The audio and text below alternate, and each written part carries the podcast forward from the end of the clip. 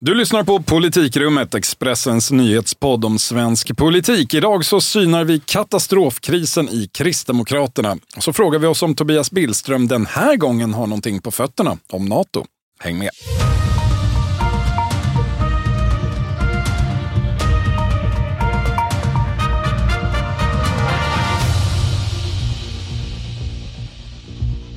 Det är tisdag den 21 mars och eh, Politikrummet sammanträder för 65 gången i svensk mediehistoria. Jag heter i vanlig ordning Viktor Bartkron och med mig, som vanligt höll jag på att säga, men du var ju faktiskt inte med förra veckan. Thomas Nordenskjöld heter du i alla fall. Hej! Ja, hallå, hallå. Nej, det var lite ovant att få ledigt, men å andra sidan väldigt trevligt att få lyssna på Helena igen. Ja, eller hur? Men nog om oss. Det har ju hänt en hel del i det politiska sen vi hördes sist. Den uppmärksammade striden i Socialdemokraterna i Botkyrka den är till exempel slut och eh, vi kan sammanfatta det med att ABF-falangen vann. Ja, alltså den där historien gjorde vi en djupdykning i avsnitt 61 tror jag det var. Det finns väl inte så jättemycket att tillägga. Sossarna blev väldigt arga på oss. Ja, eh, den stenen skulle man inte vända på, men det gör vi så gärna ändå. Så avsnitt 61 som sagt, 61, hörde ni det? Lyssna gärna på det om ni har två halvtimmar över idag.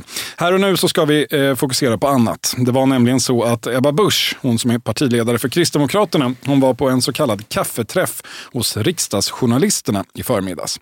Och det där det kan ju vara lite småputtriga samtal, något litet utspel mm. kanske, eller inte. Ibland bara förutsägbart tjafs om redan uttjatade ämnen. Men Idag var det ju ganska stora förväntningar på förhand eftersom det fanns en del att fråga om, om man säger så. Ja, men verkligen. Alltså, det var riktigt många journalister där. Alltså, det var inte bara public service som radade upp sig eh, som det brukar vara, utan alltså, från svenskan var de fem. Menar du att de har lite att göra?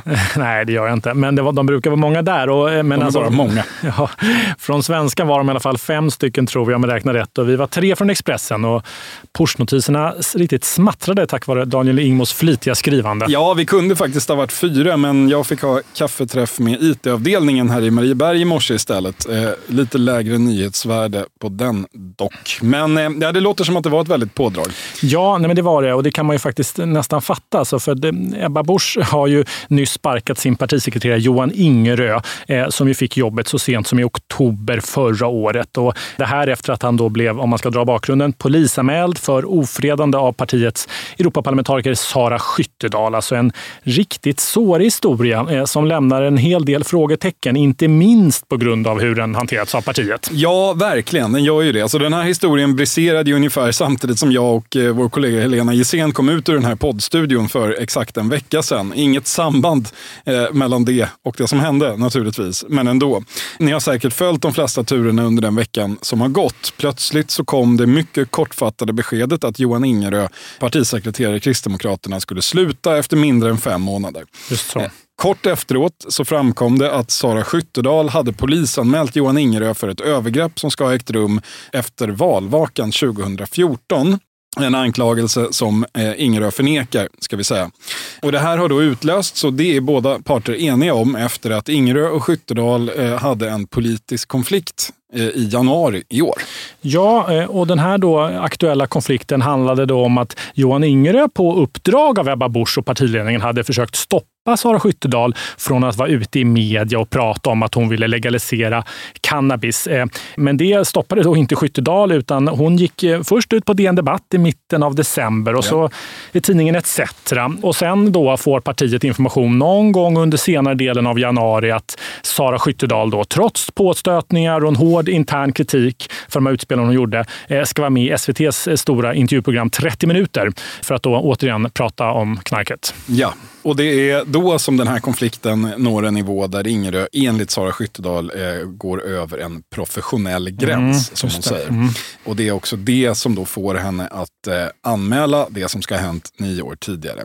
Eh, jag citerar vad hon skriver då i sitt, det, ja, den redogörelse hon har lämnat i offentligheten. Mm. Han av alla människor hade inte rätt att behandla mig illa igen. Slutcitat. Ja men exakt. Alltså, eh, här är det ju fortfarande oklart vad som sagts i det här då telefonsamtalet som Ingerö ringde till Skyttedal där den 28 januari var det. Men, alltså, men enligt mina källor ska Ingerö då bestämt och tydligt gjort klart för Skyttedal att hon måste ställa in sin medverkan i det här SVT-programmet 30 minuter eh, och att hennes topplacering på listan inför nästa Europaparlamentsval som väl är nästa år då eh, var i fara annars. Och, eh, och då dagen efter det här samtalet som, som Ingerö ringde till Skyttedal så kontaktar Sara Skyttedal då partiet och Ebba Busch personligen och berättar om det här då sexuella ofredandet som ska ägt rum eh, nio år, knappt nio år tidigare. Ja, och det här leder senare, en dryg månad senare, till att det faktiskt också lämnas in en polisanmälan från Sara Skyttedal mot Johan Ingerö som polisen nu har lagt ner eftersom ett eventuellt brott är preskriberat. Mm. Men och Det är den här vändningen som gör att vi kanske fortfarande pratar om det en vecka senare. Det hade vi kanske gjort ändå. Men det är ändå det som lyfter detta en nivå över eh, eh det som hände för nio år sedan. Ja. Och det är ju att eh, det ska inte vara den enda anledningen till att eh, Ebba Busch sparkar Johan Ingerö. Inte ens huvudanledningen, faktiskt inte ens en anledning. I alla fall inte om vi ska tro Ebba Busch. Nej, det är liksom inte förklaringen alls om man ska tro henne. Alltså, eh, och det, här, och det, liksom, det är ju här som den här historien blir riktigt märklig tycker jag. För det Ebba Busch sa idag till alla journalister under den här träffen i riksdagen eh, och som hon sagt egentligen ända sedan förra tisdagen då Ingerös avgång blev känd, är ju att det handlar om att han inte höll måttet som partisekreterare. Att det, liksom, att det, det är skälet till att han fått sparken.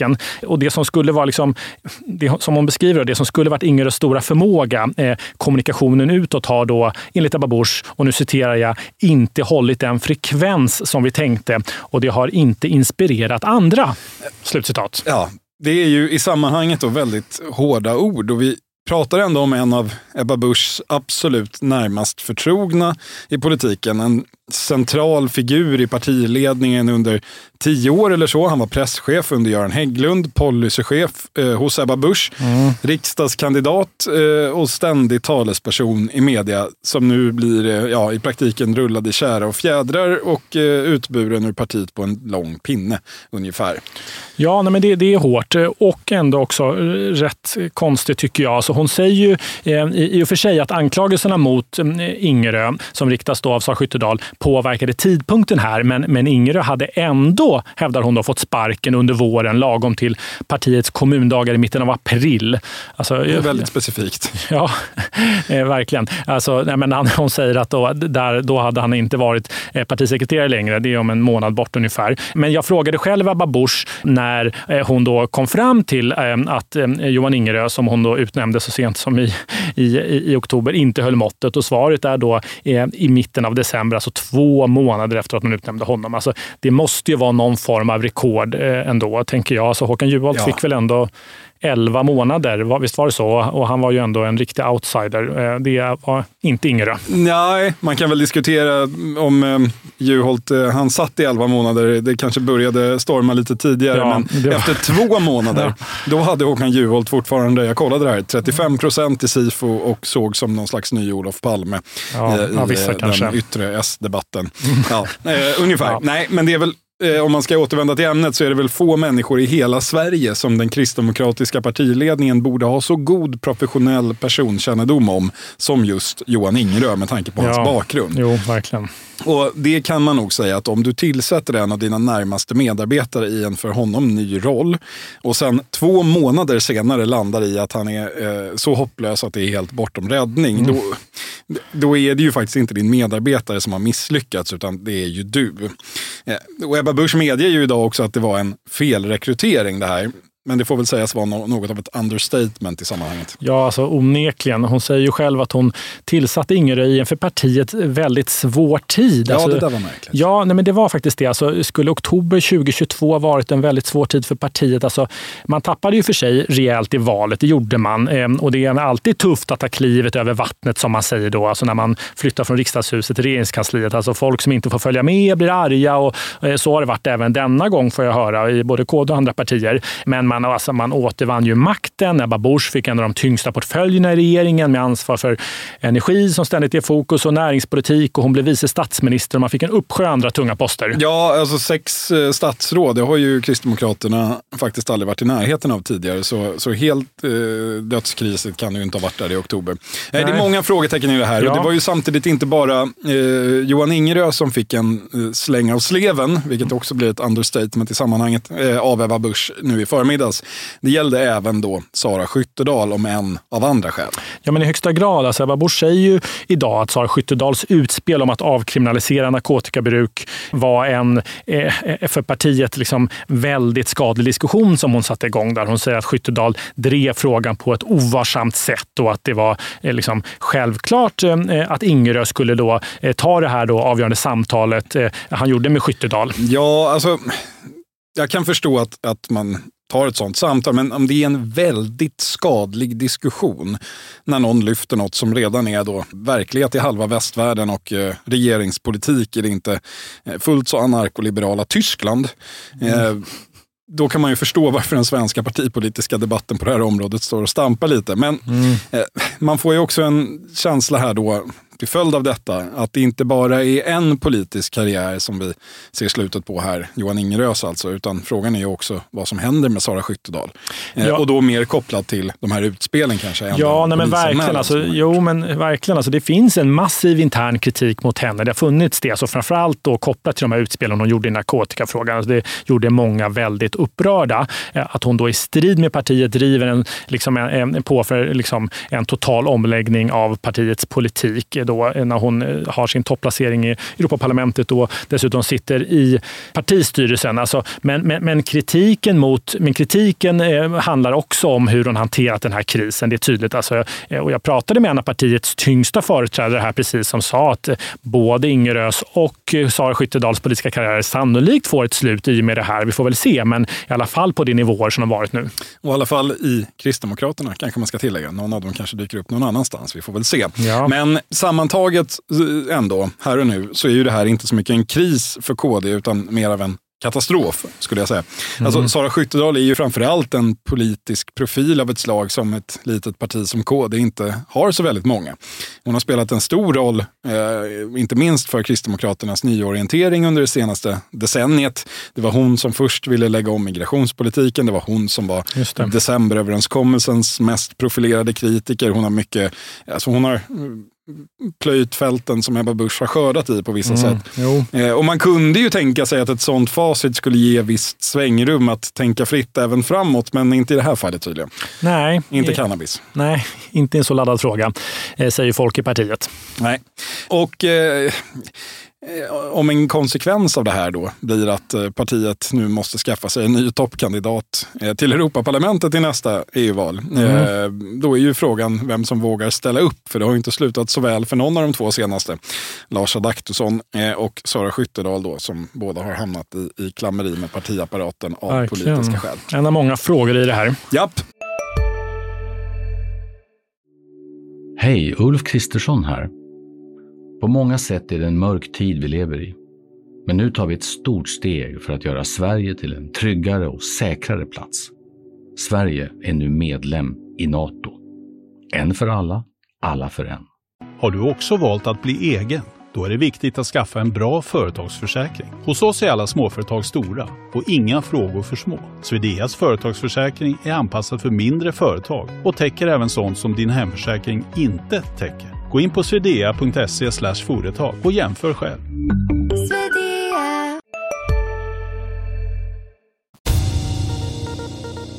Vi ska samtidigt säga att den här eh, krisen eller katastrofen, den kom ju i ett redan ganska jobbigt läge för Kristdemokraterna. Valet gick inte jättebra. Valanalysen pekade på att man eh, har ett eh, positioneringsproblem. Man har svårt att göra sig relevant mellan eh, Moderaterna och Sverigedemokraterna. Regeringstiden har präglats eh, till inte liten del av svekdebatter, särskilt när det gäller elstödet, mm. Eh, som Ebba Busch har fått ansvar för. Ja, men alltså opinionssiffrorna är ju därefter. Alltså, någon av mätningarna åtminstone har väl placerat Kristdemokraterna under spärren nu den senaste tiden. Det är de å andra sidan inte ensamma om. Nej, det... Halva gänget är där nu. Ja, verkligen. Det är väl i princip bara Socialdemokraterna, Moderaterna och Sverigedemokraterna över snart. Men, men alltså, jag tycker ändå att det, liksom, det finns liksom inte, tycker jag, när man pratar runt någon känsla av, av, av kris i partiet. I alla fall inte innan den här historien briserade. Alltså, alltså det är klart att det har varit en tuff start för Ebba Busch att ta klivet från opposition till regering. Alltså hon har väl inte överpresterat, säger man ju direkt. Och hon har fått liksom massiv kritik, inte minst för elstödet som du nämnde och svikna vallöften och allt vad det nu är. Men alltså, eh, våra mätningar när vi mäter den här approval rate-mätningen, alltså betyg när väljarna får sätta betyg på regeringen, så ser man att Kristdemokraternas väljare är de som är liksom mest nöjda med den nya regeringen. Ja, och man kan tänka sig också att i partiet så finns det också en stark tradition, en lång eh, historiskt förankrad vana av att kämpa ja. i motvind. Det, det är ju inget nytt att Verkligen. det kan blåsa nej. snålt ibland. Ja, nej, men så, så jag vet inte, alltså, någon total kris för Kristdemokraterna där det finns skäl att eh, liksom, sparka partisekreteraren efter två månader kan inte jag riktigt se faktiskt. Nej, och det väcker frågor som sagt. Alltså, och de frågorna måste ju ställas och eh, eh därför ställer jag dem till dig, Thomas, som brukar mm. ha öron och eh, ögon i eh, de dunklaste vrårna. Eh, vad hör du när du pratar runt i KD-leden just nu? Ja, alltså, jag pratade med en av partiets högsta företrädare igår och, och höll nästan faktiskt på att trilla av stolen. Jag satt i vårt rum i, i riksdagen. Nej, men för, för det, det den här personen då sa och framförde, off the record var det ju såklart, men var en, en väldigt hård kritik mot Ebba Buschs hantering av hela den här krisen. Alltså, okay. Och en sån kritik mot en sittande partiledare var det väldigt länge länge sedan jag hörde faktiskt. Eh, och liksom från en på en så hög nivå. Alltså, eh, alltså min bild är att den här krisen, som såklart hade varit besvär, eh, liksom, ja, men det hade varit en besvärlig situation för partiet alldeles oavsett, men den har blivit till något av en mardröm och då lett till ett direkt ifrågasättande av Ebba Busch på ett ändå ja, men anmärkningsvärt sätt, tycker jag. Man skulle ju kunna tänka sig då att eh, eh det delvis kan bero på att många på hög nivå i partiet känner en lojalitet även med Johan Ingerö här och kan ha tagit hans parti. Är, är, det, är det en spaning eller eh, misstanke som eh, Ja, nej men, som nej men, du ger något för. Ja, nej men så är det ju. Alltså han, det, det är självklart att det här är ju, han är, även han, båda de här två har ju liksom, ja, befunnits på en väldigt hög nivå och har ju många som är lojala till dem. Eh, men alltså, det är flera på hög nivå i partiet eh, som säger till mig är ju att det, liksom, det är uppenbart att Ebba Busch inte talar sanning när hon säger att Johan Ingerö eh, eh var så undermålig att hon eh, liksom, ja, eh, hade bestämt sig för att han hade, skulle bytas ut oavsett allt det här andra. Så när jag pratar runt så är det ju uppenbart att liksom, det finns en kritik mot hur, hur, hur, liksom, hur Ingerö skött sitt uppdrag. Det gör det. Flera bekräftar det eh, och flera menar att det är fullt möjligt att han hade blivit en parentes och kanske bytts ut redan i år, vem vet. Men att man, man, har, man har liksom ändå väldigt svårt att, att, att, att tro på hennes linje här. Man köper inte den. Nej, och att eh, vi får vi se vad som händer efter idag, men att överhuvudtaget eh, prata om och behandla en, en redan avpoliterad medarbetare på det här sättet är ju rätt exceptionellt. Det känns lite som övervåld och det lär väl knappast försvaga eh, motviljan bland de som känner lojalitet mot Johan Ingerö.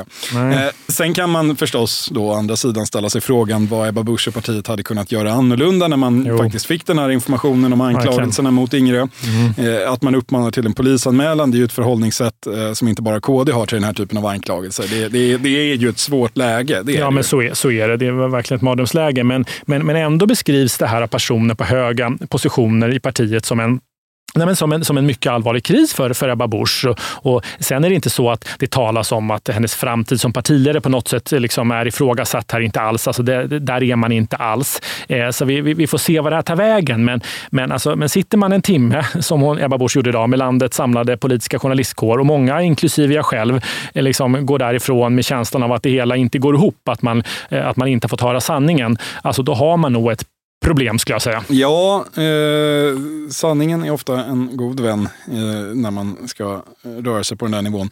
Vi kanske ska påpeka också att bortsett från varsitt eh, Facebook-inlägg när det här briserade så har ju inte huvudpersonerna själva, alltså Johan Ingerö och Sara Skyttedal hittills, eller de var i alla fall huvudpersoner till Ebba Busch klev in och började prata. Mm. Eh, men de två har inte velat uttala sig i media och det går ju inte att utesluta att saken kan kompliceras ytterligare om någon av dem, eller båda, faktiskt börja prata. Verkligen, verkligen. Det är ju inte Johan Ingerö eller Sara Skyttedal som eh, har något politiskt att förlora här längre, men det har ju däremot Ebba Busch. Det är inte bara Kristdemokraterna som har lite motvind för tillfället. Eh, I fredags var Finlands president Sauli Niinistö på besök hos sin turkiske kollega Recep Tayyip Erdogan. Det hade i vanliga fall inte varit någon större nyhet i Sverige, men nu blev det ändå så eftersom beskedet från mötet, inte alldeles oväntat, var att Turkiet släpper in Finland i Nato, men inte Sverige. Ja, och allt talar ju därför för att Finland blir NATO-medlemmar nu i vår här, inom ganska kort kanske, medan Sverige inte blir det. Nej.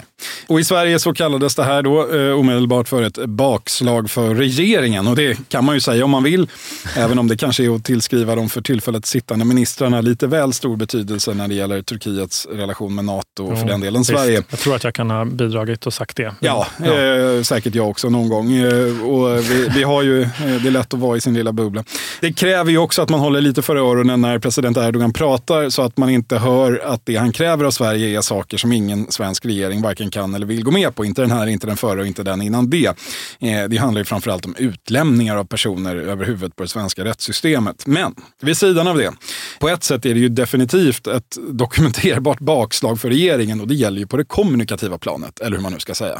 Ja, men det får man ändå säga. så fram till för några dagar sedan, innan det här beskedet från Erdogan, har ju regeringen verkligen tonat ned risken att Finland ska gå före Sverige in. Alltså det, eh, liksom, de har verkligen varit riktigt obotliga i sin optimism från regeringen. Alltså signalerna från Helsingfors om att, eh, ja, men att de kanske kommer gå före har ju blivit liksom allt fler och kraftigare de senaste månaderna. Men nej, nej, nej, vi kommer, in, vi kommer gå hand i hand med Finland in i Nato, har det hetat från regeringen. Ja, i alla fall fram till eh, förra tisdagen då mm. Ulf Kristersson hade pressträff och helt plötsligt pratade om det eh, som ett sannolikt utfall att Finland skulle gå före. Eh, och fram till det så hade det också hetat att det vore mycket allvarligt för svensk säkerhet om ansökningarna splittrades. Men nu eh, heter det plötsligt att ett finskt NATO-medlemskap skulle stärka svensk säkerhet. Ja, men alltså eh, där när Kristersson gick ut och, och sände ut helt nya signaler så berodde det på att eh, ja, strateger runt eh, Ulf Kristersson i statsrådsberedningen insett att man hade ett problem, alltså enligt mina källor. Man behövde förbereda svenska folket på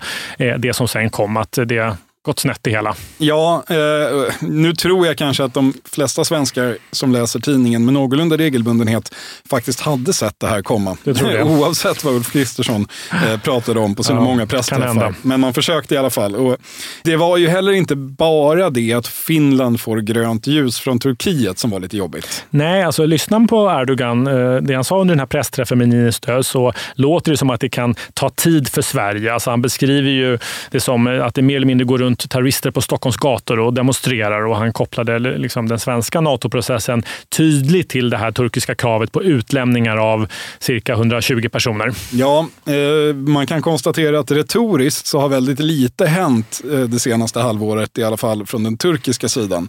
Enligt den svenska sidan så går det bättre och bättre hela tiden mm. och, och, och, sen pratar Erdogan och då låter ja. det annorlunda. Eh, och här kunde man ju ändå ha tänkt sig att regeringen nu skulle ta tillfället i akt och tona ner sitt eh, sitt optimistiska ja. prognosmakeri. Men inte det. Nej, hoppet är det sista som överger vår utrikesminister Tobias Billström. Det är tydligt. Eh, alltså för han gjorde ju ett nytt anmärkningsvärt uttalande tycker jag när han var med i Agenda här i söndags. Han sa att han var helt övertygad om att Sverige går med i Nato till toppmötet i Vilnius i juli. Alltså helt övertygad. Ja, det känns som att han antingen spelar väldigt högt eller så vet han något som vi andra inte vet. Men med tanke på regeringens facit som säkerhetspolitiska meteorologer så känns det lite svårt att tro att han faktiskt gör det. Vet någonting alltså.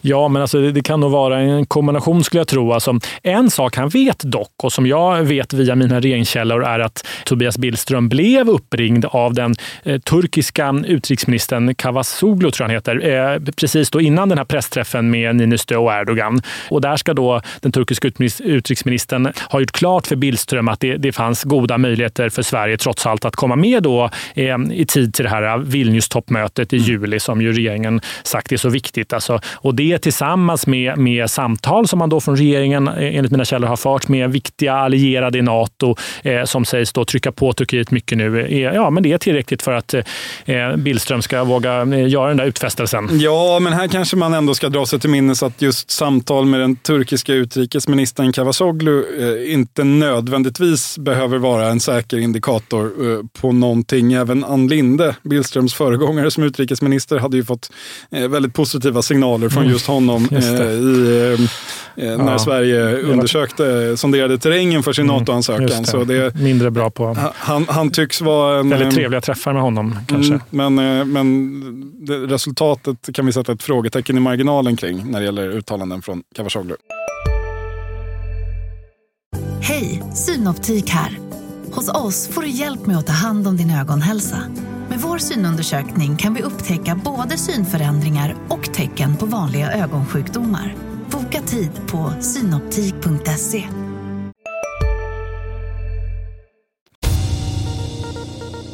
Erdogan och hans säkerhetsrådgivare tycks ju vara de som eh, får sista ordet här. Vi får väl se. Men, men att man eh, säger sig vara så övertygade eh, från den svenska regeringens sida om, om, att vi släpps in beror ju också på att man tror att det är klokt att sända ut de signalerna, får jag höra. Alltså, att Natos den open door policy som man pratar med, att man pratar om att, man ska, ja, men att dörren ska stå öppen för, för länder som lever upp till kraven att, att släppas in. Den, liksom, man menar ju att liksom, den i grunden bygger på då att Sverige nu släpps in och det får inte dra ut mer på tiden för då är hela den, eh, hela den principen i fara. Så nästa stora såna toppmöte då efter Vilnius är ju Washington och det är först nästa år, nästa vår någon gång. Långt bort alltså. Eh, så eh, om det inte, om det nu liksom, eh, om, om det inte blir så som man säger att, det liksom, att vi släpps in här så är det en, en, en kris för, för, för Nato och vad Billström har sagt är ett mindre problem. Typ så tycks man resonera, även om man redan nu kan höra hur Magdalena Andersson kommer låta. Mm. Ja, hon kommer väl låta ungefär som hon hon har gjort de senaste månaderna.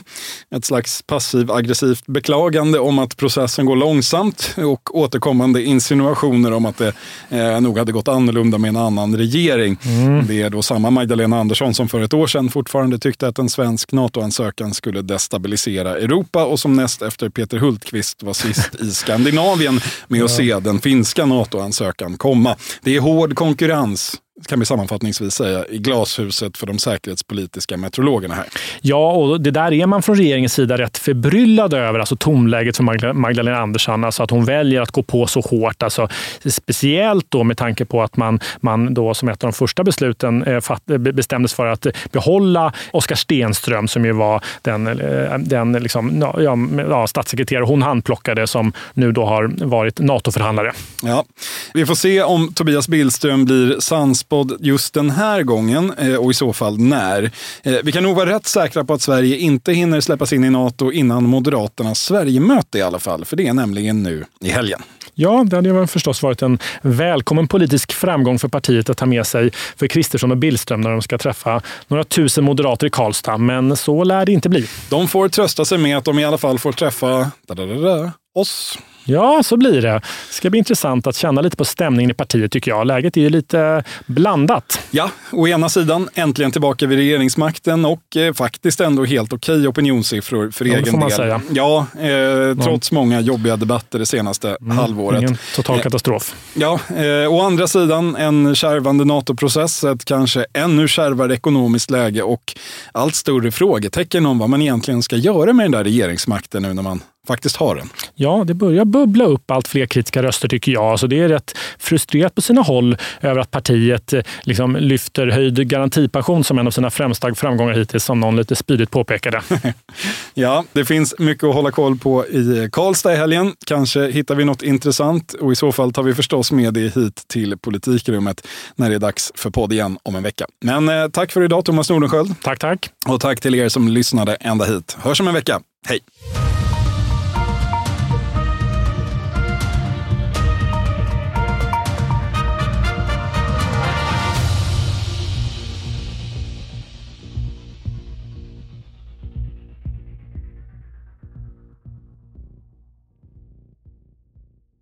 Du har lyssnat på en podcast från Expressen.